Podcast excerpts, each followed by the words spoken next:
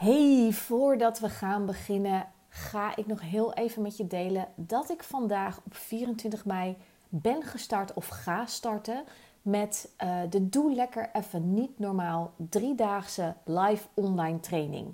En misschien hoor je dit en denk je, ja, maar het is al avond of ja, maar het is al de 25ste. Maar no worries, want je kan nog aanhaken en dan krijg je gewoon de mails toegestuurd en je hoeft er niets voor te missen. Want als je deze podcast over het algemeen altijd tof vindt en je luistert de aflevering van vandaag, dan is het eigenlijk van groot belang dat je je daar gratis voor aanmeldt. En waarom? Dat ga ik je in deze podcast uitleggen. Want deze podcast die je nu gaat beluisteren gaat over iets waar we allemaal tegenaan lopen. Ik ook. En dit is hoe ik het doe. Je kunt je aanmelden via www.madelonrijkers.nl slash driedaagse. Ik zie je gauw en veel plezier met deze podcast.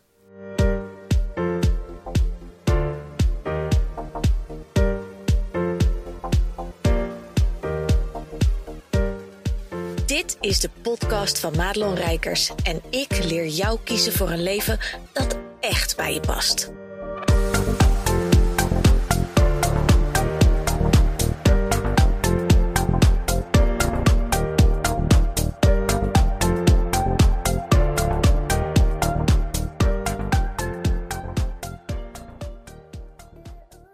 Hey, wat superleuk dat je weer luistert. En ik wil gewoon even zeggen dat ik het enorm waardeer. En dat klinkt misschien een beetje gek, maar ik waardeer het ontzettend dat je de tijd neemt om, ehm, ik zou bijna zeggen, naar mijn geouwe hoer te luisteren. En uh, ik neem dat nooit voor lief als mensen hun tijd en hun energie en ook hun geld in mijn geval, hè, ik ben natuurlijk ondernemer voor vrouwelijke ondernemers, als ze dat aan mij spenderen. En daar wil ik je gewoon even aan het begin van deze podcast voor bedanken. Um, dat gezegd hebbende heb ik onlangs een hele mooie vraag gekregen. Um, ik krijg wel eens een vraag en dat vind ik altijd leuk. Dus ik wil je ook echt uitdagen om als je een thema hebt, een topic, een vraag, een, een issue, om het eens met me te delen. Zodat ik er een podcast over op kan nemen, een video voor je op kan nemen. Ik ben te vinden op TikTok, op YouTube heb ik een eigen kanaal. En als je mij op Instagram volgt, zie je natuurlijk altijd op vrijdag de video voorbij komen. Als jij een vraag hebt of een, of een, of een topic waar ik een, uh, een podcast of zo voor op kan nemen, dan kan ik ook veel gerichter iets maken waarvan ik zeker weet, hé, hey, maar daar heeft iemand iets aan. Hè? Want een podcast is eigenlijk maar only the lonely. Ik heb altijd zelf wel topics waarvan ik denk, hè, dat, dat is wat mijn klanten meemaken. Of dat zie ik gebeuren bij uh, uh, mensen in het algemeen, bij collega's.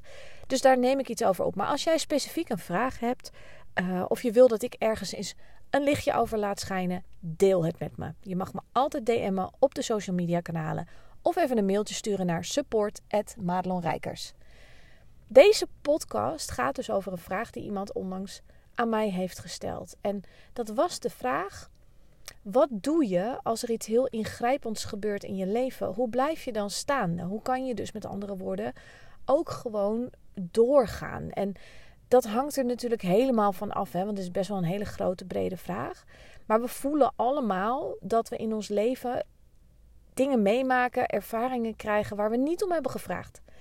Ik heb altijd gezegd: bullshit van het leven zijpelt gewoon door je voordeur heen. Daar, daar kan je niet tegen wapenen. Er gaan mensen dood, er worden mensen ziek, mensen gaan scheiden, mensen droppen bommetjes. Uh, er gebeuren gewoon dingen waar je mee te dealen hebt. En in uh, sommige gevallen, en dat zie je natuurlijk vaak hè, als, als er mensen overlijden, en dan hangt het ook weer vanaf: is het een plotseling overlijden? Is het een jonger of een ouder iemand? Is het een ziekbed? Uh, in, in hoeverre uh, staat iemand dichtbij je of niet? Maar dat zijn vaak van die situaties. Hè. Laten, laten we nou eens even voor het voorbeeld um, iets heel heftigs nemen: dat iemand zo standpeden dood neervalt, waar je bij staat, een jong iemand laat mensen na, weet je, en jij staat daar ook dichtbij. Dat zijn van die situaties daar valt niet tegen te managen. Daar kan ik je met de beste wil van de wereld niet zeggen: dit is hoe je dat kan doen. Omdat dat zo'n impact heeft op je leven. Daar gaan zoveel andere processen ook. Um, die zijn daarmee gemoeid, wilde ik zeggen.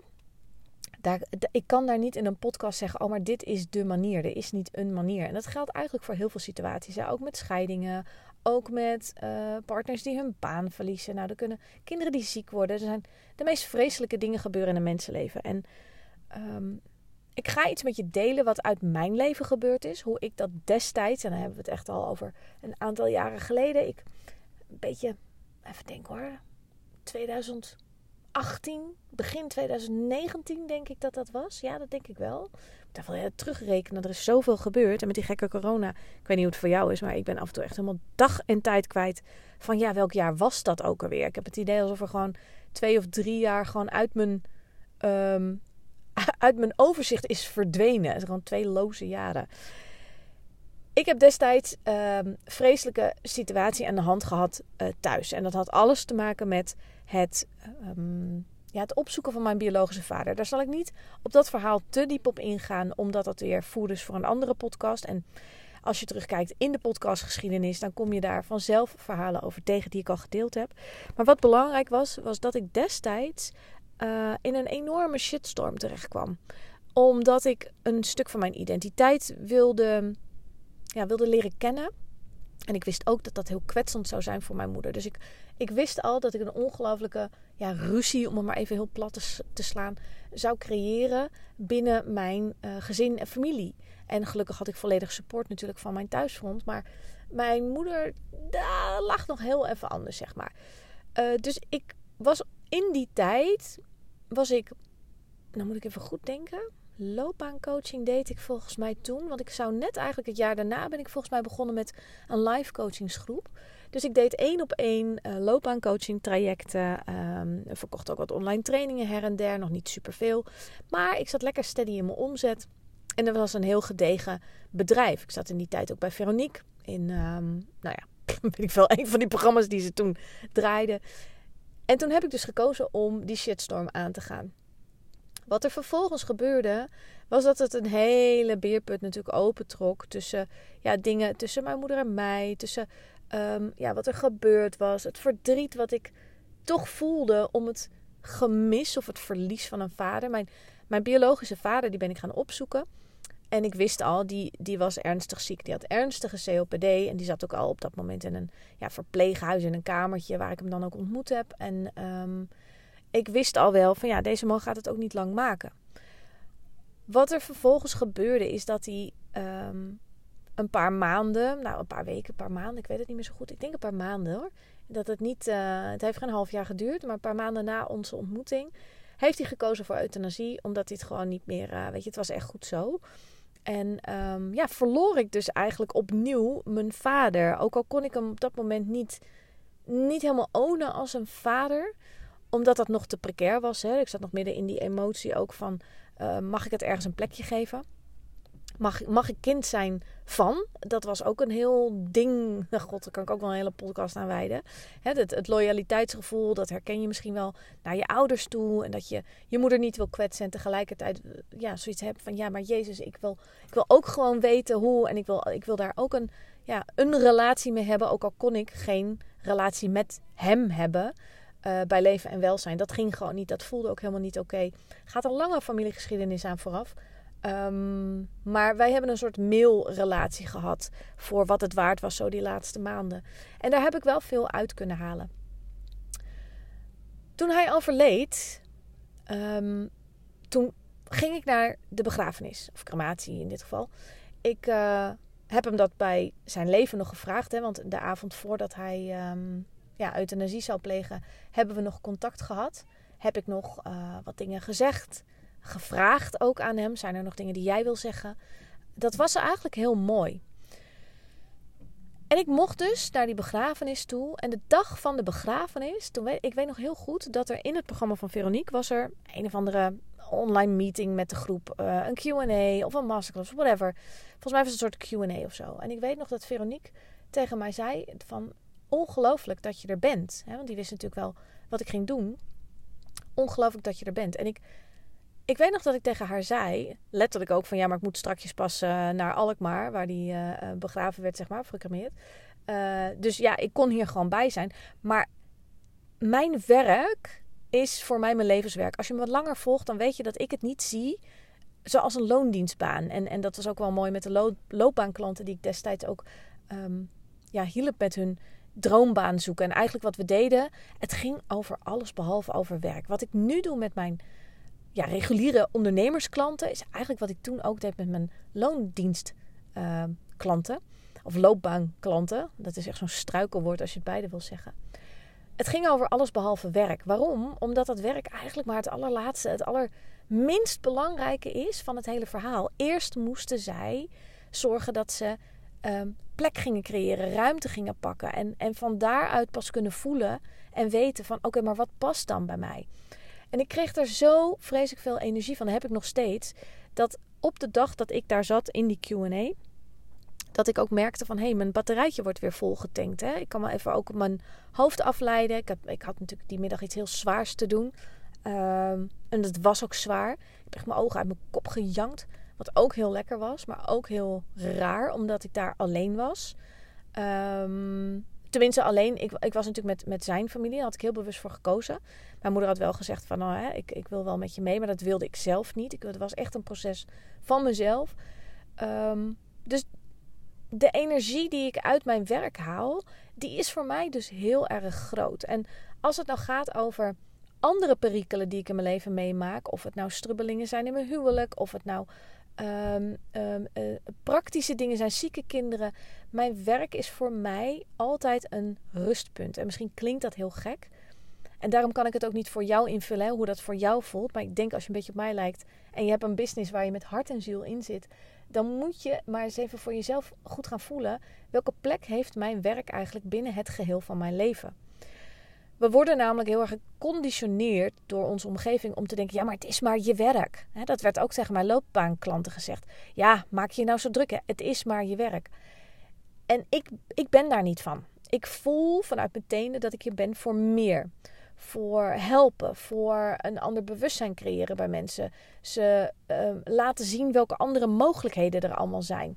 En dat geldt dus ook voor zo'n situatie als dit, waarbij er iets gebeurt in je leven iets, iets naars uh, waar je mee te dealen hebt. En degene die mij deze vraag heeft gesteld, waarom ik deze podcast opneem, die heeft ook met een situatie te dealen. Die ik hier niet zal benoemen, maar dat is ook iets in de privésfeer.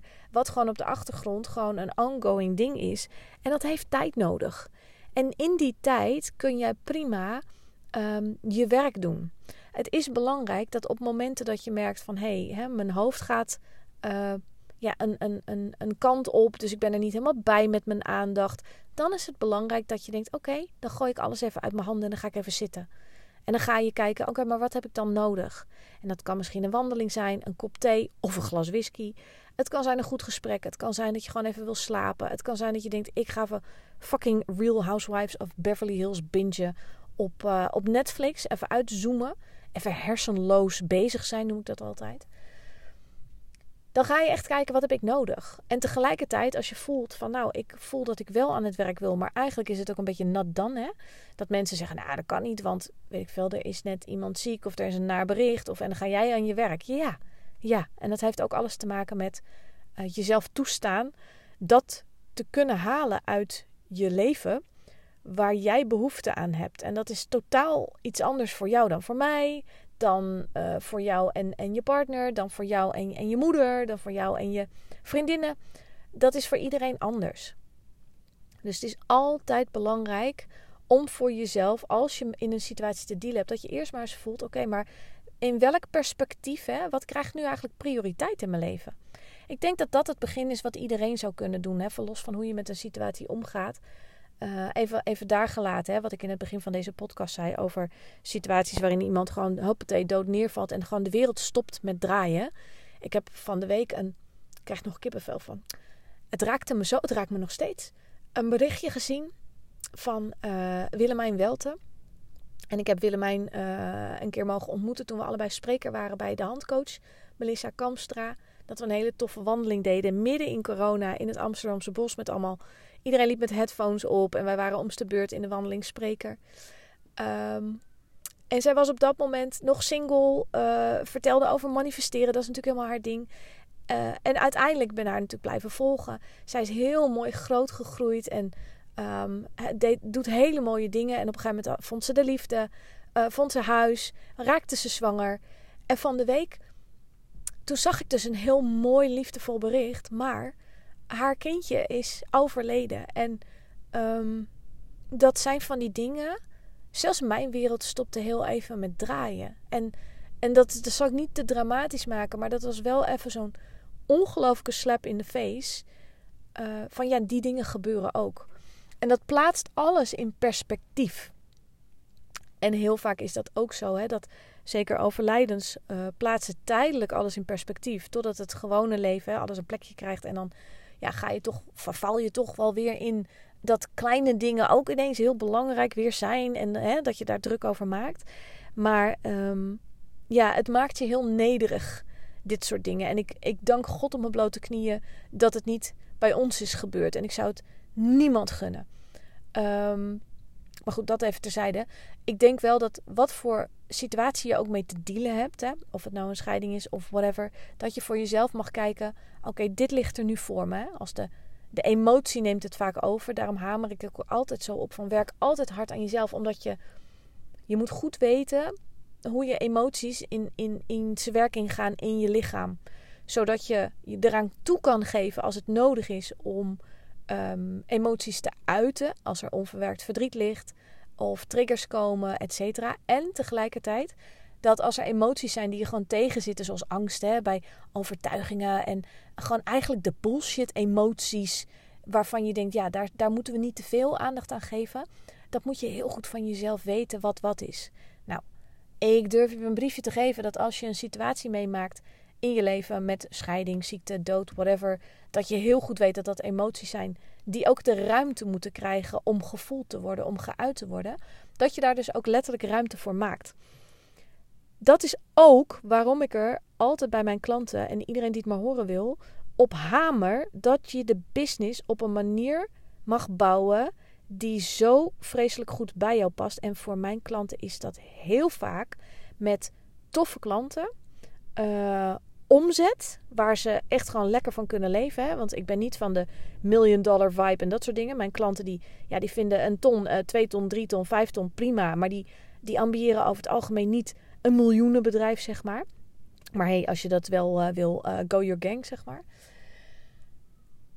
Maar het is allereerst gewoon een hele gevoel van um, bouw je business zodat je gewoon heel veel ruimte hebt. Dat is wat ik je eigenlijk wil meegeven, nu al dus de vraag is heel mooi van wat doe je als er uh, zo'n situatie komt. Maar wat als je de boel nu al, en dat heeft niks te maken met dat je in de ether zendt van oh, hè, straks komt er allemaal slechts op mijn pad, want dat heb ik zelf gemanifesteerd. Nee, dit is gewoon je business op een, op een goede, juiste, kloppende manier voor jou bouwen. Met een aanbod en een uh, planning en een ideale klant die heel erg aansluit bij waar jij behoefte aan hebt nu. En als dat staat, dan zul je ook merken dat um, in het leven zit een soort logica. En dat lijkt niet altijd zo, maar je krijgt precies op je pad wat, wat je wil. En soms is wat je wil in het aardse leven krijg je, maar soms is het iets wat je blijkbaar wilde ervaren als ziel. En dat vanuit een menselijke perspectief is dat niet zo fijn. komt er iets wat blijkbaar een cadeautje zou moeten zijn in een kutpapiertje en voelt dat dus niet zo. Maar heel veel. Alles gebeurt voor jou, niet tegen jou. Dat is zo'n gevleugelde uitspraak. Dus je kan erop vertrouwen, ook dat stukje, dat klinkt heel gek wat ik ga zeggen, dat als jij je business zo bouwt dat uh, het helemaal bij je past, dat zoiets niet eens per se een probleem oplevert. Omdat er aan alle kanten ruimte is om te schuiven, om uh, de boel neer te gooien. Um, dat je in staat bent, dat je zoveel omzet draait, dat je er iemand bij kan hebben die gewoon de toko beheert als jij uitvalt. Al, al zou je bijvoorbeeld maar met de griep liggen. Ik heb dat een paar maanden geleden gehad. Nou, dan is het lekker dat er iemand achter de knoppen zit die gewoon shizzle kan afhandelen, weet je wel. Kijk, ik moet natuurlijk wel uh, uh, de, de Q&A's en, en de dingen in de community regelen. Ik moet mijn klanten bedienen. Dat kan ik niet overdragen aan iemand anders. Maar heel veel dingen kunnen gewoon doordraaien Zeker als je eraan toe bent om te automatiseren en dat soort dingen. Als er iemand anders achter de knoppen kan zitten. Dan kan jij er prima een tijdje uit. Klant van mij, Joyce Scheijen. Super toffe klant. Ik heb met haar ook natuurlijk een podcast opgenomen. Misschien heb je die gehoord. Die was gewoon drie maanden dat ze gewoon off the grid ging. En, en niet omdat er allerlei problemen waren, maar omdat ze gewoon echt voelde: ik wil gewoon lekker lang zomervakantie en ik wil vrij zijn. En, en die heeft gewoon dezelfde omzet gedraaid dat jaar als het jaar daarvoor maar met drie maanden minder werken. Gewoon niet. Ja, als je op die manier dus kijkt nu al naar je bedrijf, dan ga je het ook beter regelen. En op het moment dat dat staat en er gebeurt iets in je leven, dan kan je dus per moment kijken: oké, wat heb ik dus nu nodig? En dan kijk je dus ook letterlijk naar wat betekent dat dan voor de prioriteiten die ik stel in mijn dag? Um, wat gaat er voor? Nou, als er iets in je gezin is, 9 van de 10 keer gaat dat altijd eerst voor.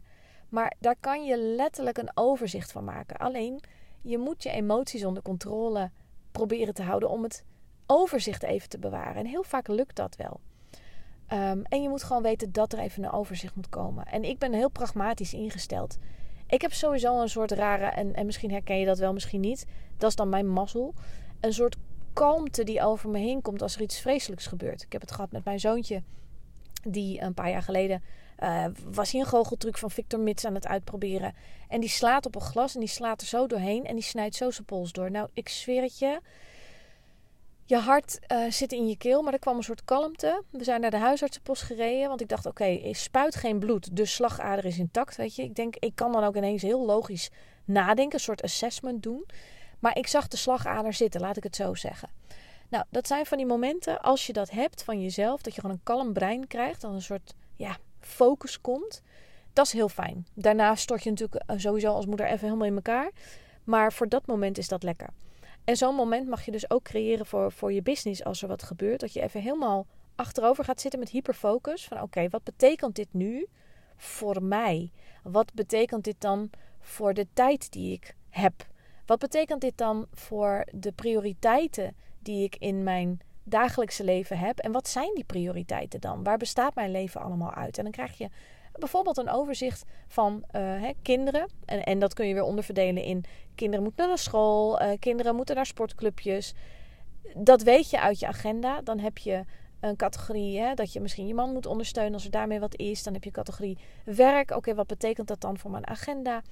Uh, categorie omgeving. Hè, moet je daar nog iets mee? Moet je mensen op de hoogte stellen? Moet je zelf hulplijnen inschakelen? Omdat je gewoon ja, zelf ook even je verhaal kwijt moet. Nou, als je dat soort onderdelen gewoon even voor jezelf helder maakt, dan kan je dus ook een soort plan van aanpak. En dat klinkt heel raar platgeslagen, maar dat is heel helpend in zo'n situatie om gewoon overzicht te creëren. En ik denk dat in alle situaties, of we het nou hier hebben over nare dingen des levens die je overkomen en hoe blijf je daar vervolgens in staan in je werk, maar ook met allerlei praktische dingen van het ondernemerschap in het algemeen. Het overzicht en focus houden. Een van de belangrijkste dingen zijn uit dat hele verhaal.